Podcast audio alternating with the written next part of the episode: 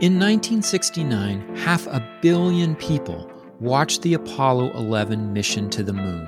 It was the most popular event ever in the history of television. 50 years later, we are watching it again. But how should we tell this story now?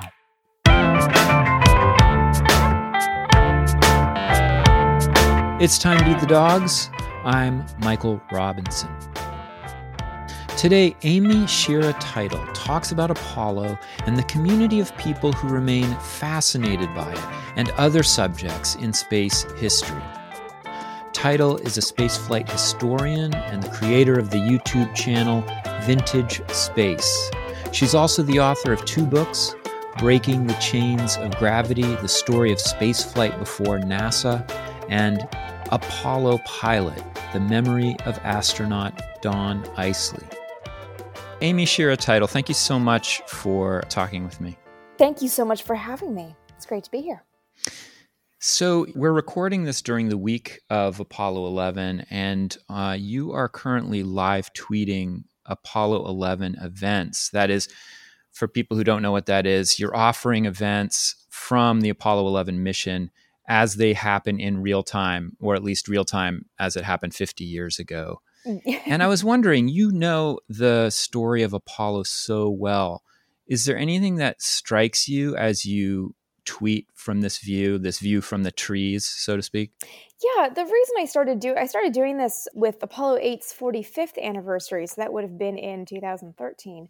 Um, and I really started doing it because every time you you read an article or a book or something about one of these missions whichever mission it sounds so awesome and exciting and glamorous. Yeah. But when you actually look at the timing that it took it took three days to get to the moon. There's a lot of downtime and a lot of boring chatter and a lot of discussion of sports scores and where somebody left their piece of clothing. Um, so I, I, really thought that it'd be fun to do it through Twitter to to bring the real humanity down. So when I do these things, it's not about mission events in terms of like here's the rock they're at site B or whatever it is. It's more you know oh well collins just lost his toothpaste. The the really mundane human things that we don't really think about. And I, I love finding the moments of complete nothing no science-ness you know when they're just kind of having a chat and doing something. You're like remember it was just three guys that went to the moon. It wasn't it wasn't a movie. It was a day job. So you know since you're kind of sitting in there in the command module with these guys as you're tweeting can you actually uh, discern the differences in personality, that sort of thing? You Senses do, of humor. Yeah, you do, and it depends on on the crew. It depends on the mission too. So, um, I'll, I'll give them a shout out. Uh, the Apollo Lunar Surface Journal and the Apollo Lunar Flight Journal uh, is a website that NASA puts up. It's it's curated by a bunch of people who fa- space fans may have heard of, including people like Dave Woods and Frank O'Brien, who I've mentioned on my channel a lot as excellent sources they they put together the air to ground transcript and also the in capsule transcript, so what was recorded. So these guys have done. The, I thank you to them for doing the legwork because otherwise it's PDFs and they're really hard to scroll through. So when you know it's when the crew's talking amongst themselves and are not being recorded live to the ground that you get a sense of who they are a little bit more. And um, my favorite point in any mission is when they first get to the moon and they first get to the far side and they're just having that oh my god we're at the moon reaction and then you can sort of see like okay this guy is maybe getting a bit more excited and the commander's trying to get them all on task a little bit. And um, it is it is really nice to kind of see the humanity come out when you read it like this. There was an article I read last night on, I think it was on uh, the Atlantic Monthly, about somebody who was writing a piece on the heart rate of the various members of the Apollo 11 mission and yeah. how Neil Armstrong, who was just the coolest cucumber in the world, his heart rate was going crazy in those last few minutes in during launch or during landing? During landing. Oh, I tweeted their launch heart rates. Their launch heart rates were actually quite low compared to their original, because uh, each of them had flown a Gemini mission ahead of time, and um, they were all had very low heart rates compared to their Gemini flights. Yeah, I do remember reading the first time I did this, going over the heart rates at landing, but I wouldn't be surprised. Um, there was a lot going on at the moment of landing. God, can you imagine? Also, you're landing on the moon. yeah, it's not. It's not like you're landing on an airplane. There's a lot happening. So, and I think they had low fuel buzzers going off, and they missed their They landing did, site by a few miles. I mean, just- Yeah, they didn't have a totally clear spot, so Neil's looking for a place that's smooth enough to put down. And Buzz is calling out the fuel, and they're getting the 1201 and 1202 program alarms. The computer's rebooting itself, and it's just like, okay, there's a lot happening right now. yeah.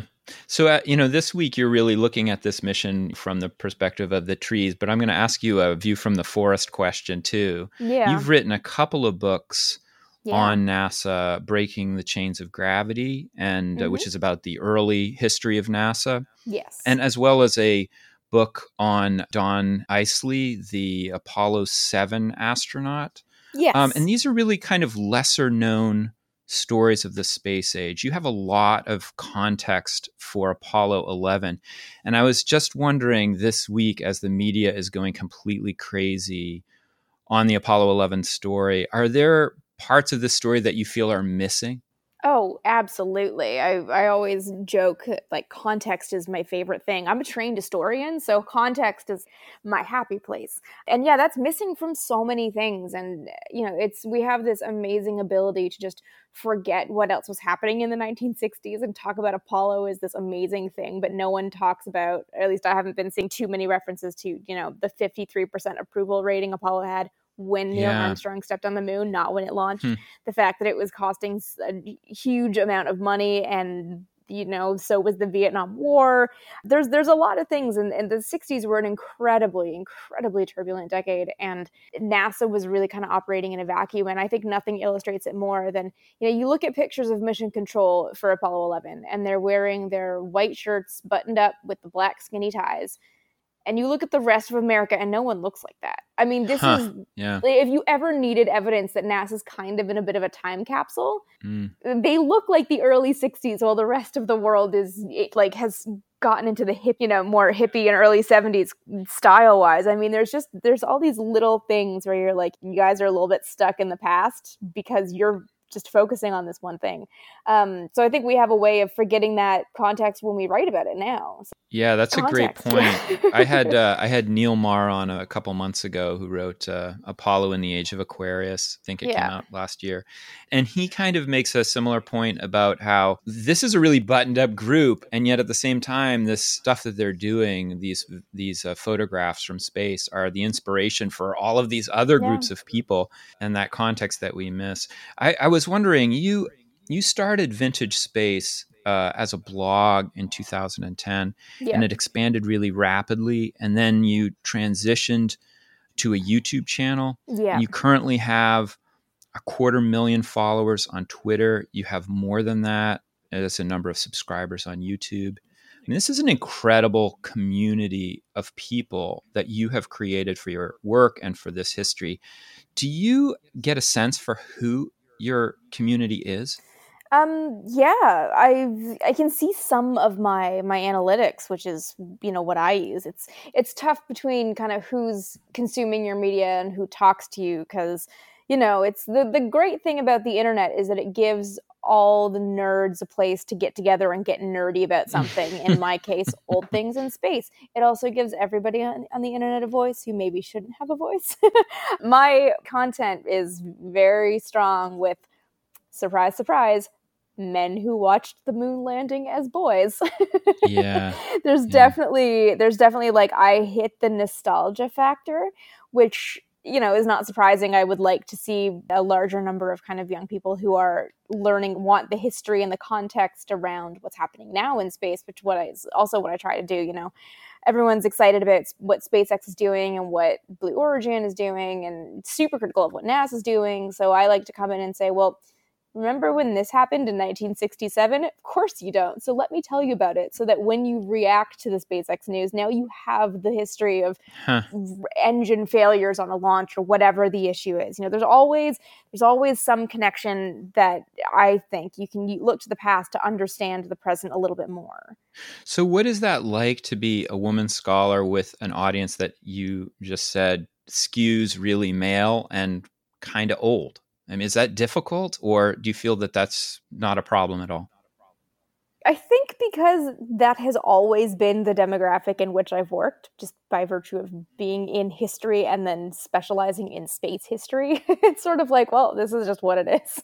Yeah. Um, it's a, it is a little bit weird when you know I I will see pictures of panels that I'm on, and I'm like, I am definitely representative of a different demographic here. Yeah. But, but, there's also that weird thing where being freelance, you know, I, I work out of my home with my cat, Pete Conrad.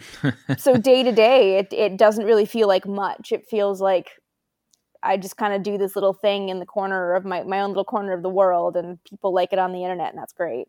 Yeah, it's it's kind of isolating in, in a in a nice way sometimes.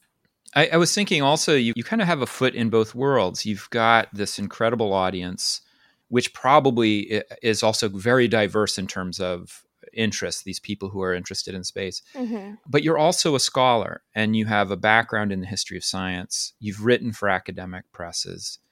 And I was wondering how that felt because, you know, my experience being an academic who's interested in science communication and popular you know public outreach yeah. is that sometimes you can get beat around the head and shoulders for doing that kind of work. Yes. And i, I was wondering if that you feel like that's an occupational hazard for you I think so a little bit. I think there's there's a I mean there's a lot of things at play here, and this is gonna this is, we're risking going down a whole other rant right now. Um, it's okay, rant. You know, it's fine with me. I mean, the, the, you know the reality is academics are very guarded over their words, and when you mm-hmm. do what they do publicly, they don't like you. So I do have some people in the academic world that see me as betraying my training or something. I don't really get it because I thought the whole point of being an academic is ultimately to teach people things. you know, I I left academia because I didn't want to be fighting for the one liberal arts job in history of science that would come up yeah. in a decade and have to be in some 4,000 person hippie town. I I just it wasn't for me. So I decided, well, let me take all that and teach the humans. And I joke that you know science communication exists because engineers and academics don't speak English. So you know, there's definitely that weird line of I do bring insane research to everything that I do, and I'm not perfect by any stretch. I definitely miss. I call them speakos when I say the wrong date, like a typo, but spoken. Um, you know that and that happens. Um, but and you probably hear about it with 50 different comments. on Oh your, yeah, page, and then right? and then all of a sudden I won't hear myself say the wrong year. It happens especially when I'm like I'm just finishing up a new book. I still go to write the date on forms, and I start with 19 instead of 2000 because I am living in the 30s right now in my head you know, it's it, it's these things where I don't even notice it, and people are like, "Oh, how can I trust anything you ever say?" I'm like, because you've never said something wrong by accident. It's this. So you, in a weird way, it's like being held to an academic standard, but the academic people don't want you because you're not academic enough. It's a very strange balance, and that's where I'm sort of like, well, I'm kind of over this on both camps, and I'm just gonna do what what makes me happy. Um, do you get a um, sense for? Yeah, okay, I mean, yeah. Go ahead. Sorry. Oh, I was just gonna say. I speaking of new my upcoming book, which I can't go into too many details about yet. Um, but the the work cited is I don't know how many pages, but there's like 2000 footnotes in this thing. So it's one of those things where I, I know that people are going to come at me and be like, where did you get any of your research? And I'm like, literally the 200 pages of footnotes, huh. which I'm insisting we, those are not leaving that book because it's, uh, I did a ton of work on that and you're going to see it. I mean, that, that was my next question, which is if you feel like you're getting pushback from academics, but you yourself have said that you're fascinated with context. It's the context stuff that most interests you. And that's usually the yeah. thing that academics get annoyed at. They get annoyed at uh, stories that have been sheared of, of context. So then what are they getting mad at you about? I don't really know. I want my writing to feel more fun mm-hmm. than reading a paper, but still be as informed. And I think people people will look at it and say, well, you know, I do oversimplify things. I round up my numbers.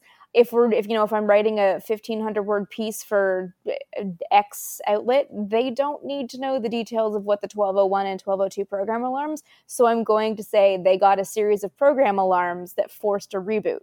For the average person, that's more than enough and you know the the the pedants are going to be like well you didn't say what that is because you don't know therefore we can't trust you it's like or i'm not writing for you i'm writing for the person who's never thought about program alarms and rebooting a computer the way you reboot your laptop every day when we're talking about going to the moon. I'm trying to expand the average person's horizons a little bit. Right.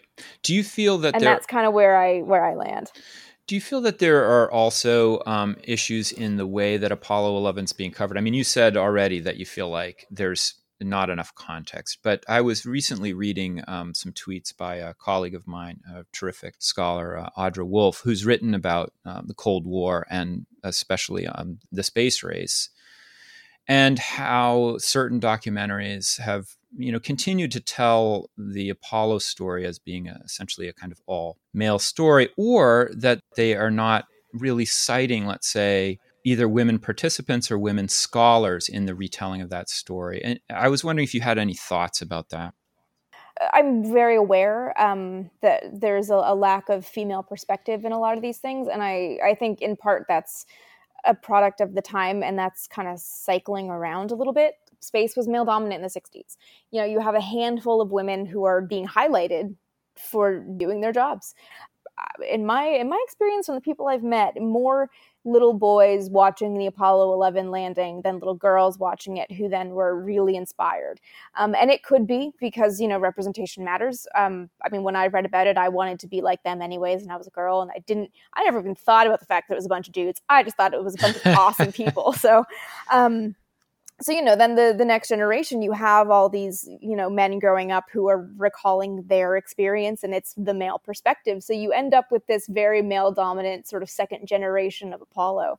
It's a little it can become a bit of a boys club and it does continue a certain narrative which makes finding the standout people more difficult. And they're in there but you do have to dig a lot. And i think you know the the other thing too is the people we look at, the people that we celebrate most are the astronauts. I mean, they were rock stars of the age. And by virtue of NASA's rule of astronaut qualifications stipulating test pilots, that ruled out women in the 60s. Yeah. Because there were no female military test pilots so yeah again you just have this reinforcement of the you know all male narrative which is starting to break down but i think as long as we focus on the the engineering elements how exciting it was how inspirational it is it can be done as a human story that can inspire sure. anybody as opposed yeah. to leaving people out. It makes me think a little bit about the 19th century and Arctic exploration, which was kind of the subject of my first project. And I had kind of assumed since these expeditions were almost entirely male and that they were written about back home by men and it seemed mm-hmm. so male dominated that I kind of assumed that these stories were not of interest to women. And then when I did this archival work on Robert Peary and Elisha Kane and some other explorers, I found just like hundreds of letters from women and girls to these explorers, you know, who are so fascinated in their work and who are going to the lectures and writing about it. And, and I, I kind of, uh, the reason I'm saying this is because I wonder with the Apollo story, whether is it a question of how this, how this is being reported? You know, in other words, is it like, in fact, were women inspired by the story, but no one's really asked them, or you know, they assume that it's a kind of little boy story, as you put it. I mean, I don't even know how you'd get at that hmm. question, but I just wonder, you know. Yeah, no, I'm I've I've done a, a, fair bit of digging through various archives um, and over the years, um, not specifically looking at you know public reaction to Apollo 11. But the beautiful thing about any kid who ever sends anything to a sitting president or to NASA is that that's all archived. So if you've ever written a letter to, to the president in the second grade, that exists in an oh, archive so somewhere, and I've dug through some of those, which is so funny. Are those at the presidential libraries? Yeah, they they would be it depends on how they're exactly cataloged. Um, and it, I don't know exactly how everyone does it, but recently I was in the Nixon archives just out of curiosity looking for mm. some tidbits on Apollo 11 and um, came across, I have to tweet it out, I forgot about this until right now, a drawing that a, a I think a eight year old boy had done of Apollo 11 on the moon and sent it to Nixon. and I, that one stood out because it was a really cute drawing but there, I've seen in kind of pawing through those just as many letters from girls oh interesting. as boys sort of asking you know how do i be an astronaut? Can i do this? I want uh, you know kids asking for information of, about the space agency and Huh. I, I don't know. I'm I'm going to speculate a little bit here because I haven't done like a deep audit of this, but sure, um, yeah. The the letters typically seem to be fairly split. That I remember reading between genders uh, from younger kids, and then you do get a bit more of a drop off of women potentially. Oh, that's so interesting. Wow. There definitely there's definitely a lot. I've I've recovered a lot from a few archives of women hmm. asking about qualifications for for working with NASA at the college age, which is, you know, what courses do I take to finish out high school or what do I take in college to put myself on that track? Because again, in the 60s it was totally new, so no one really knew what to do to yeah. get in that position to work with NASA. Um, but you know, it's it's similar to today and why I think it's why I think I've noticed that drop off, and I, I, might be projecting because I know it happens now that girls tend to lose interest in science. There's a very even split. Everyone loves science when you're eight, and then as soon as you're about 14, the interest huh. shifts a little bit, and and women do show a slight drop. But it's also that you know, teachers don't encourage girls as much as they do boys in science. It's typically kind of taught in a male dominant way. Yeah. Well, that's and so I interesting. Say, I say that from experience of my teacher friends. I all of my education was done in Canada, so I can't really say much about from my own experience, but people I know in education here have have told me that that is a a, a bit of a trend that they've noticed. Mm. So you also, in addition to your historical work um, on your YouTube channel, you do talk about you kind of weigh in on some contemporary NASA questions, such as yeah. the exploration of Mars, um, robotic exploration. I was wondering eh, what you think about, let's say, for example, the big. I, am just I just interviewed um, Jake Robbins uh, this week, where we did, I guess, a kind of a joint uh, podcast on the question of human exploration of Mars. I was wondering if you had um, thoughts about that. Yes, many. Um, yeah, I think that's probably this... too broad a question, but I guess I guess I what I mean is is the yeah. Um, yeah the the kind of the controversy I would say about let's say robotic versus human exploration of Mars. Yeah, I think I think we were looking at it wrong. I mean, this is totally me personally as an individual, uh, not representing any group or company. I I just don't think we're quite ready for human missions to Mars. Um, the last I heard from engineers that I've that I know, we still don't really know how to deal with the issue of radiation in space for two years. We don't really know what to do about bone density loss and how to keep humans alive that long. Um, I don't know that we really know how to land a payload as heavy as a multi-human crewed vehicle yeah. with all of the propellant to return on Mars because you know you've got I think with Curiosity data it was something like seven it's seven minutes from entering the atmosphere to landing.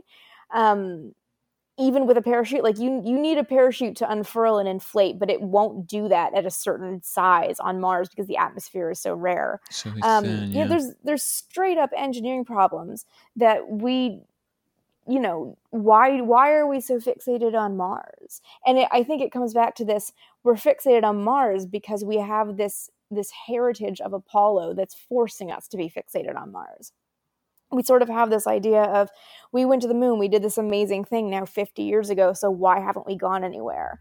And and here's where context matters. Because we didn't do it just for the sake of doing it. We did it because it was a war. Like we have to not forget that. Um, and it cost a crap ton of money.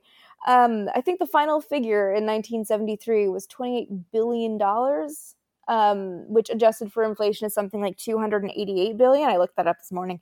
Um, that's a lot of money. I mean, people yeah. freaked out that Curiosity cost $2 billion. Do you know how much Americans spend on homeopathic medicine every year? $17 billion. If everyone went to one less movie a year, we could have a flagship Mars mission every year.